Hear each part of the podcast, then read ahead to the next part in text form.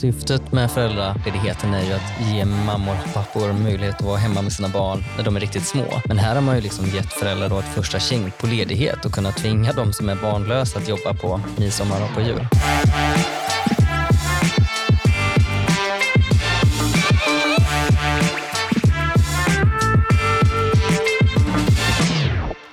Du lyssnar på Ekonomerna med mig, John Norell och idag har jag med mig Kajsa Dåstad. Välkommen hit. Tack så mycket. Hur är läget med dig? Det är fin, fint. Du är ju välfärdsansvarig här på Timbro. Mm. Ett sätt som man kan motivera en stor välfärdsstat, det är ju att det är en, eh, att det är en försäkring mot att det går åt helvete i livet. Då är ju en föräldraförsäkring en försäkring mot att råka bli förälder. Det är kanske Ja, inte riktigt ett sätt att det går liksom åt skogen. Men, och Det kanske var högst rimligt i en tid när förmågan att planera sin familjebildning var liksom begränsad. Men idag så är, ju, är det inte riktigt så. Eh, idag så är ju föräldraförsäkring snarare bara ett bidrag som ges till föräldrar som omfördelar resurser från de som väljer att inte skaffa barn eller inte skaffa så många barn till de som väljer att göra det. Och idag ska vi prata om föräldraförsäkringen. Då. Ehm, men Kajsa, vad händer när man får barn? Ja, först händer det någonting redan innan barnet kommer. Mhm. Och Det är att du har rätt till graviditetspenning om du har ett så kallat fysiskt tungt arbete. Ganska många går hem de sista veckorna i graviditeten. Mm. Och eh, Sen kommer ju barnet och då börjar föräldradagarna ticka eh, för eh, den som har fött barnet eller för den ena parten. Ska man säga. För den andra parten får tio stycken extra dagar som ligger liksom utöver föräldradagarna. Och föräldradagarna är 480 stycken. 480 dagar, ja, 16 månader. Mm. Exakt. Ja. Och varav 90 är på en slags grundnivå. Då får man ganska lite pengar, 180 kronor per dag. Men 390, då får man pengar utifrån vad du tjänade sedan innan, om du är kvalificerad, liksom om du har en sjukpenninggrundande inkomst. Mm. Och så maximalt kan du få 1027 kronor per dag. Vilket ju är ganska mycket, men det är 80 procent av, eh, av ens lön upp till det här taket då, som är runt eh, 40 000 kronor. Eller sånt där. Ja, Ja. precis. Och sen har ju många eh, kollektivavtal eh, Så man toppar upp där. Liksom. topp, toppar upp eh, så att du får ännu mer då. Eh, och de här 390 dagarna eh, som är lite mer välbetalda, de kan du spara till barnet eh, fyller fyra. Okej. Mm. Och de andra 90 dagarna då som är på eh, den lägre nivån, de kan du faktiskt spara ända till barnet fyller 12. Det är väldigt länge. Det är väldigt länge. Tre månader eh, ledighet som man kan plocka ut när som helst under kommande åren. Liksom. Ja, precis. För att arbetsgivaren har ju inte rätt att neka föräldraledighet. Nej. Inte ens om barnet är lite äldre. Eh, och eh, du får ta ut eh, föräldraledighet då tre sammanhängande perioder per år. Mm. och lämnar du in din ansökan i tid, jag tror att det är typ tre månader innan ledigheten, då, då har alltså arbetsgivaren ingen rätt att Mm. neka föräldraledighet. Ofta så blir ju föräldraledigheten längre än de här utbetalda dagarna. För det är många som inte tar ut alla sina dagar eh, när de är föräldralediga.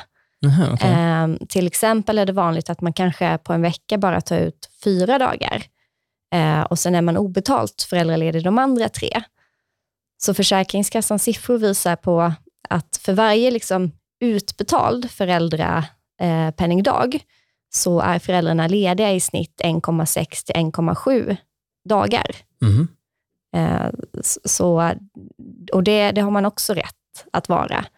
Eh, Så det blir, det blir väldigt långt. Eh, Man är hemma med barnen väldigt länge när de är små. Eh, eh, Svenska barn börjar på dagis i snitt när de är eh, 17 månader gamla.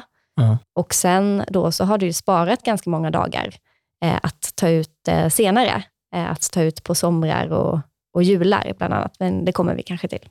Men det här kanske är en dum fråga då, men som man förälder kan man då vara ledig måndag till torsdag och sen jobbar man, Nej, nej, nej. man, är, man har semester, en, eller vad? Nej, du är obetalt ledig. Du är betald ledig? Ja. Okej, Precis, så att du tar ut liksom dina, dina dagar eller din right. föräldrapenning och sen så är du obetalt ledig de andra dagarna. Men då sparas ju de här föräldrapenningdagarna. För Eh, man har inte rätt att vara obetalt ledig eh, hur, när barnet är hur gammalt som helst. Jag kommer faktiskt inte ihåg exakt var gränsen går, Mm. men de här betalda dagarna, det är de som ger liksom vetorätt för ledighet Ja. senare. Och hur ser det ut i andra länder? Alltså 16 månader, det låter väldigt högt. Ja, eh, det är också väldigt högt jämförelsevis. Eh, om vi kollar på våra grannländer så har Danmark ungefär ett års föräldraledighet där man också måste plocka ut dagarna eh, under det första året. Mhm. Eh, så man kan inte spara som man gör i Sverige. I Norge så har de ett system att om du plockar ut eh, väldigt hög ersättning, alltså närmre eh, hela din lön, då får du ett kortare antal dagar, 320 dagar. Medan om du då väljer att plocka ut lite mindre eh, ersättning så kan du förlänga, men man kan bara förlänga upp till 390 dagar. Eh, Finland eh, har väl typ 320 dagar. Men man ska också komma ihåg att det är lite vanskligt att jämföra eh, system mellan länder. För att eh, dels i vissa länder så räknas den här graviditetspenningen som jag pratade om innan, den räknas av från föräldradagarna. Ja. Och eh, sen så har också många länder eh, lite mer generösa ersättningar för att, eh, för att vara hemma, alltså det är vårdnadsbidrag. Eh, så att i, i Finland till exempel så, så är det mer generöst med vård, vårdnadsbidrag och då kanske finska föräldrar, eh, mammor mestadels, väljer att ta ut föräldraledigheten och när den är slut då så går man på vårdnadsbidrag. Och Okej. i, i praktiken då så kanske det egentligen inte, inte blir så stora skillnader som det kan se ut på pappret. Ja. Eh, men, men om vi jämför med Norge och Danmark, eh, som är, är ganska lika oss, så har vi ju liksom en, en mycket längre. betydligt mer generös föräldraledighet.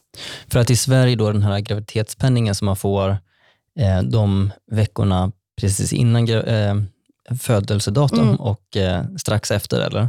Eh, ja, dels innan, de är ju extra. Mm. Och sen de här tio dagarna som eh, den andra partnern får, eh, de är också extra. Ja. Och i Sverige räknas de inte av, utan det är liksom Nej, separat. Precis. i andra länder så är det ett, en, samma, det plockas av på föräldraledigheten. Då. Ja, precis. Mm. Så det, det plockas av på lite olika sätt och det är lite, det är lite olika regelverk. Så det, det är ganska svårt att jämföra. Men även om man liksom lägger ihop allt det här så kan man ju konstatera att Sverige har en väldigt lång föräldraledighet och vi har väldigt starka rättigheter för föräldrar att vara hemma. Inte bara när barnet är väldigt litet, utan Mm. även när barnet är lite äldre. Och ehm, alla de här um, utbetalningarna, de summerar ihop till en ganska stor summa. Det blir ju, om jag kollade rätt i, i budgeten för 2023, så är det 35 miljarder kronor. Mm. Det är ganska mycket. Och sen utöver det så har man ju den tillfälliga eh, föräldrapenningen, alltså det som är vab, alltså vård av barn, som är ytterligare 10 miljarder. Och det här är ju pengar som i praktiken blir en omfördelning mellan olika eh, individer i, i befolkningen. Ja, precis. Man, man kan lite grovt dela in eh, befolkningen i eh, tre olika delar när det kommer till barnafödande. Vi har dels ungefär en fjärdedel som får noll eller ett barn. Sen har vi ungefär hälften som får två barn. Och sen har vi eh, den sista fjärdedelen då som får tre eller fler barn. Och så väldigt grovt nu så kan man säga att har du en medellön och får två barn, ja då går du liksom eh, Det går jämnt ut. Det Ja. går jämnt ut. Eh, och det är ju ändå liksom... För man är två föräldrar. Liksom. Man, är- ja, precis. Och det är ändå den stora majoriteten. Ja. Eh, men vi har ändå en, eh, en ganska stor minoritet, de här 25 procenten som får noll eller ett barn.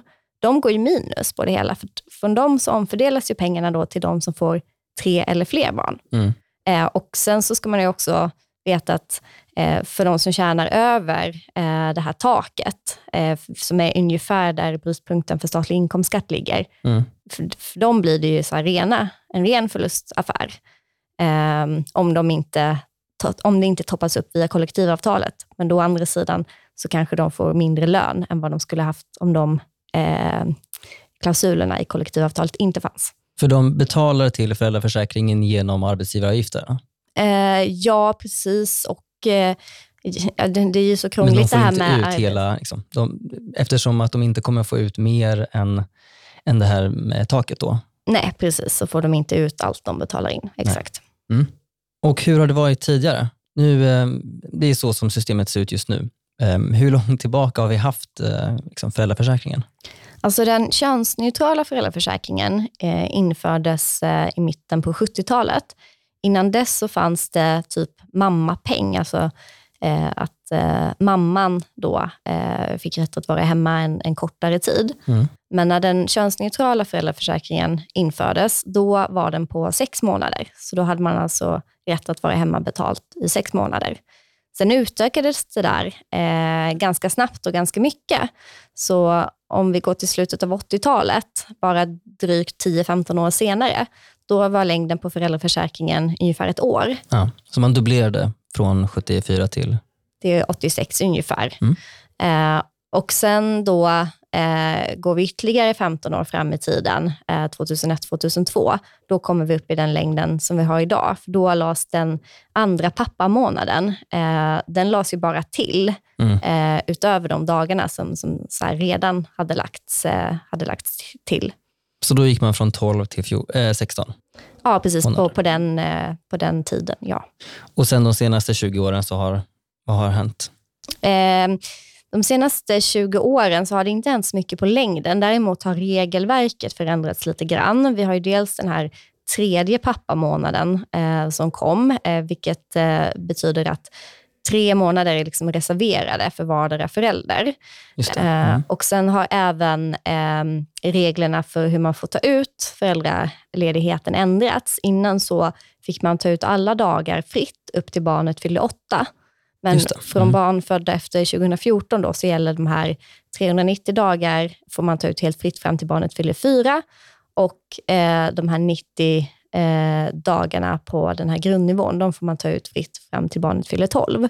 Och det kan vi säga, där, där skiljer Sverige verkligen ut sig från andra länder. Mm. Eh, I Danmark, som sagt, merparten ska tas ut innan barnet fyller ett år. I Norge så får man inte ta ut efter barnet fyller, fyller tre. Med andra ord, man vill att, att föräldrar ska ta ut föräldraledigheten så tidigt som möjligt, eller så, när, när barnen är små. Men det kanske var en kompromiss varför man, man fortfarande tillåter föräldrar att ta ut 90 dagar ända fram till de är 12 år? Eller varför vill man ha ett så flexibelt system? Ja, jag skulle tro att det var en kompromiss för att få med sig KD på förslaget. För att, eh, Ja. KD vill faktiskt utöka det där ännu längre och att man ska kunna ta ut Familjepartiet. Mm. föräldraledighet ända till barnet är 18. Oj, okej. En grej som man brukar liksom framföra när det kommer till föräldraledigheten är ju att det här är ett att det har en positiv effekt på kvinnors arbetsmarknadsdeltagande. Rent generellt så är, känns ju inte det helt uppenbart. Alltså det man gör är att man betalar människor för att vara lediga, för att inte jobba. Eh, Så att, hur, hur kan det liksom främja kvinnors arbetsmarknadsdeltagande? Eh, nej, men det svenska systemet det bygger ju på att, att om du kvalificerar dig in för SGI, alltså om du jobbar ett tag, då får du ju betydligt högre ersättning än vad du får annars. Så att det uppmuntrar ju ändå kvinnor att börja jobba Mm. innan man skaffar barn. Sen, eh, sen finns det ju liksom viss evidens också för att en, en kortare föräldraledighet gör att kvinnor då kan, kan behålla sin fot på arbetsmarknaden. Man förlorar inte sin anställning och sådär. Eh, Så att ja, det finns en sån komponent, absolut. Men eh, sen finns det också ganska mycket forskning som visar att lång frånvaro från arbetet, eh, det vill säga över ett år, vissa studier över sex månader, eh, då börjar de negativa konsekvenserna av att vara borta från arbetet, alltså man tappar i humankapital, Precis. eh, de börjar bli större än de positiva konsekvenserna. Ja. Så jag har inte sett någon studie som visar på positiva konsekvenser av att eh, vara föräldraledig mer än ett år. Nej. Det, det, det är dubbelt så att säga. På kort sikt så ehm, om du erbjuder en föräldraledighet så kommer folk att, föräldrarna kommer att skaffa, ha ett jobb. De behöver inte säga upp sig för att kunna vara hemma med sina barn. Eh, för det kanske hade varit en, en så mödrafäll att eh, mödrar väljer att, att säga upp sig för att kunna vara hemma med barnen. Ja, precis. Och det är kanske en ytterligare grej att föräldraförsäkring eller föräldraledigheten har ju en slutpunkt. Efter ett visst datum så har du inte, då, då ska du slussas tillbaka in på arbetsmarknaden helt enkelt. Medan om du har sagt upp dig, då är det kanske inte, det finns liksom ingen naturlig eh, tillfälle att komma tillbaka på det sättet. Men den svenska föräldraledigheten är helt enkelt så pass lång så att troligtvis så har det negativa effekter för kvinnors arbetsmarknadsdeltagande. Ja, inte bara troligtvis utan mest eh, sannolikt. Jag tror eh, även OCD liksom har konstaterat att, att eh, kvinnor är borta så pass länge som man är i Sverige, det är liksom negativt. Mm. Om vi går in på en, en annan så konsekvens då när det kommer till jämställdhet, eh, som kanske är mindre uppenbar, det är ju att eftersom att det är kvinnor som tar ut den, den lejonparten av föräldraledigheten. Jag vet inte, har du koll på hur, hur stor andel är det som... Det är väl fortfarande ungefär två tredjedelar som ja. tas ut av kvinnor. Precis, och om man nu ser utifrån arbetsgivarens perspektiv. Om du är i, en, i en situation där du ska anställa någon som är i, i den åldern där man kanske kan tänka sig att den personen är på väg att skaffa barn eller kanske är gravid eller sådär. Eh, I Sverige så får du inte fråga, ställa den frågan. Det innebär ju att alla, alla som är potentiella blivande mödrar eller eh, fädrar eh, är ju en risk, en högre risk. Och eftersom att de inte får, det finns liksom ingen möjlighet att säga sig fri. Även de, även de som inte kommer skaffa något barn, även de kommer utsättas för en, den här statistiska diskrimineringen. Helt enkelt. Mm, precis, så, så är det ju. En annan så oavsiktlig konsekvens Eh, du har skrivit lite om så att föräldraledigheten, just eftersom att du kan ta ut den så pass lång tid, att den, den funkar lite grann som ett sätt att slippa jobba på jul och nyår och midsommar. Kan du berätta? Ja, precis. Eh, jag har ju begärt ut eh, Försäkringskassans statistik och kollat på hur uttaget ändrar sig över året. Och det ändrar sig väldigt mycket, vilket sammanfaller då med semesterperioder. Så om man jämför eh, månaden april med månaden juli så tas det ut ungefär 50 procent fler föräldradagar i juli än i april, trots att det inte föds fler barn eller går att knyta till någonting annat egentligen än att, än att de flesta vill vara lediga just i juli. Mm. Och likadant under julen. Eh, under mellandagarna så tas det ut också ungefär 50 procent mer eh, än det gör en, en vanlig eh, decemberdag. Och varför väljer man att ta ut föräldraledighet? Varför kan de inte bara ta ut semester? Um, där säger många småbarnsföräldrar själva att det är för att eh, det är krångligt med dagis på sommaren. Alltså kommuner har en skyldighet att anordna um, förskola även under lov. Men det blir ofta såna här sommarförskolor med då andra pedagoger som barnen inte känner igen. De kanske ligger på ett annat ställe och sådär. Ehm, Eh, och, vilket jag väl kanske egentligen tror är den största anledningen, det är ju att eh, arbetsgivaren inte kan neka föräldraledighet. Så att vill du vara ledig i juli och du har föräldradagar kvar, eh, då begär du ju föräldraledighet i juli. Du kommer ändå få din semester. Den kan man ta senare. Den kan man ta senare. Ja. Eh, men då har du liksom din paxade, säkrade ledighet i juli. Och likadant under julen. Då har du din paxade, säkrade ledighet under, under julen. Um, och, och, faktum är, det är ganska intressant att uttaget av föräldradagar liksom, på julafton, på juldagen, annandagen, är också markant större än en vanlig decemberdag. Och det trodde inte jag att man skulle hitta, för att de flesta arbetsplatser har ju stängt på ja. julafton. Men Så det spelar ingen roll egentligen? Egentligen spelar det ingen roll. Uh, men det kan bero på dels att man tar ut uh, dagarna så att, som, som man har kvar när man ändå ska vara borta från jobbet, för att liksom, annars brinner ju de pengarna inne så att säga. Eh, och så finns det ju ändå eh, många, ganska många arbetsplatser som inte kan vara stängda på julafton, sjukvård, äldreomsorg.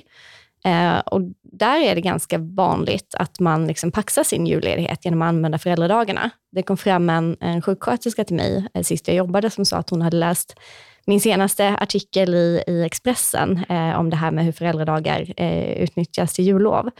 Eh, och så blev jag lite nervös, för jag tänkte, oj, nu kommer jag få en, en utskällning. Ja. Men så sa hon, vet du vad, jag håller helt med. Jag har inga barn. Jag har fått jobba varenda jul, varenda påsk, varenda midsommar.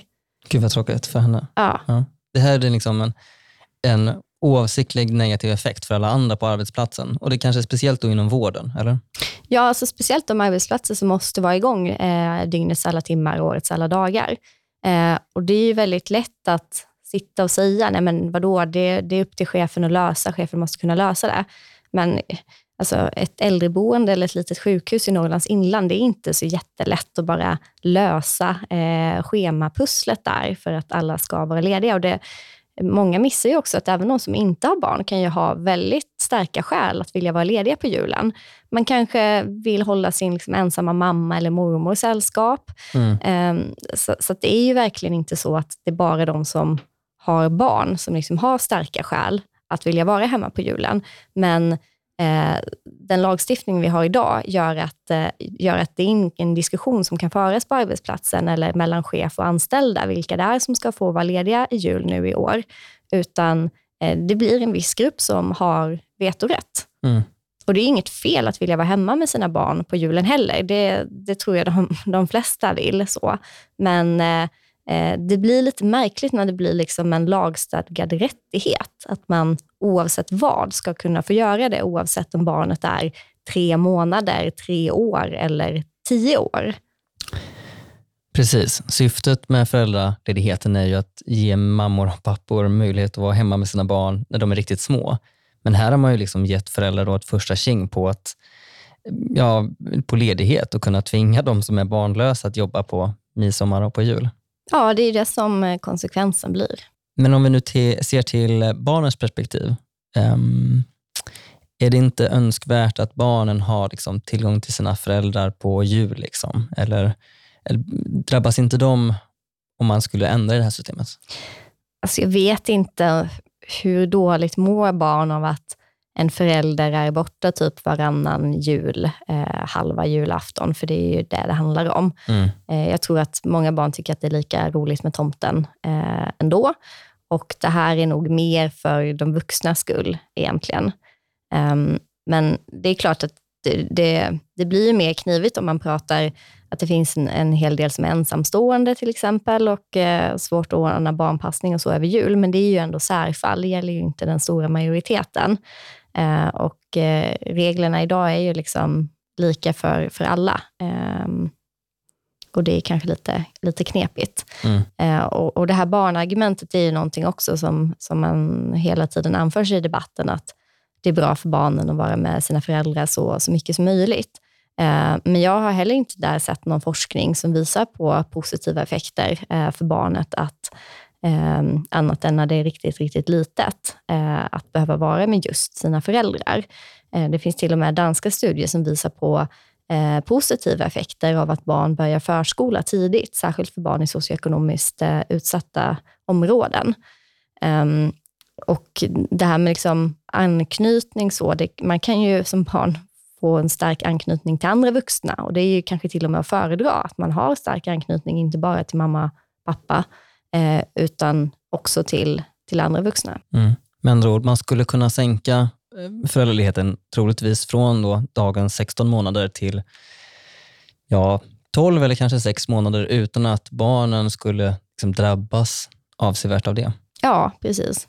Och som du säger, de flesta har ju mor och farföräldrar som fortfarande kanske är i livet, som säkert kanske kan hjälpa till.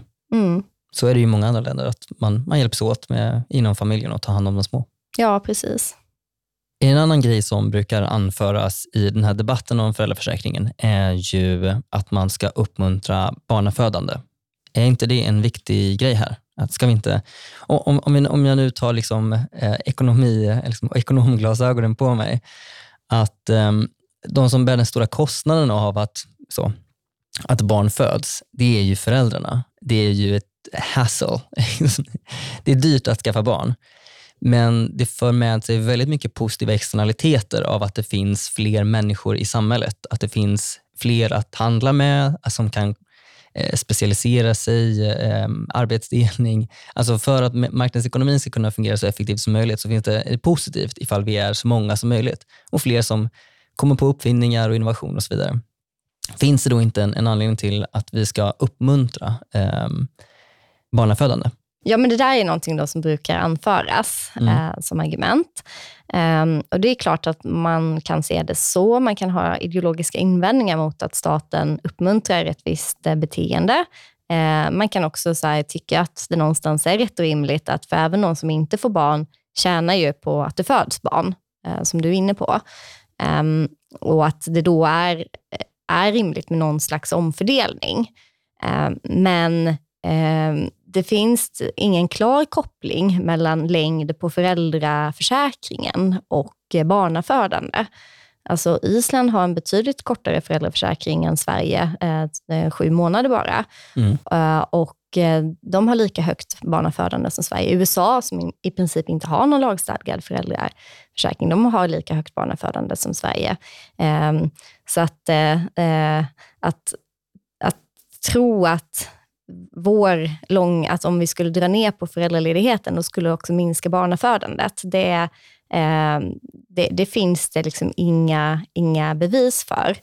Eh, och Man kan ju säga så här att skattebetalarna subventionerar ju barn, barn och barnafödande ganska mycket som det är. Dels med föräldraledigheten, vi har även en väldigt eh, starkt eh, subventionerad barnomsorg. Barn får gratis sjukvård, de får gratis skolgång.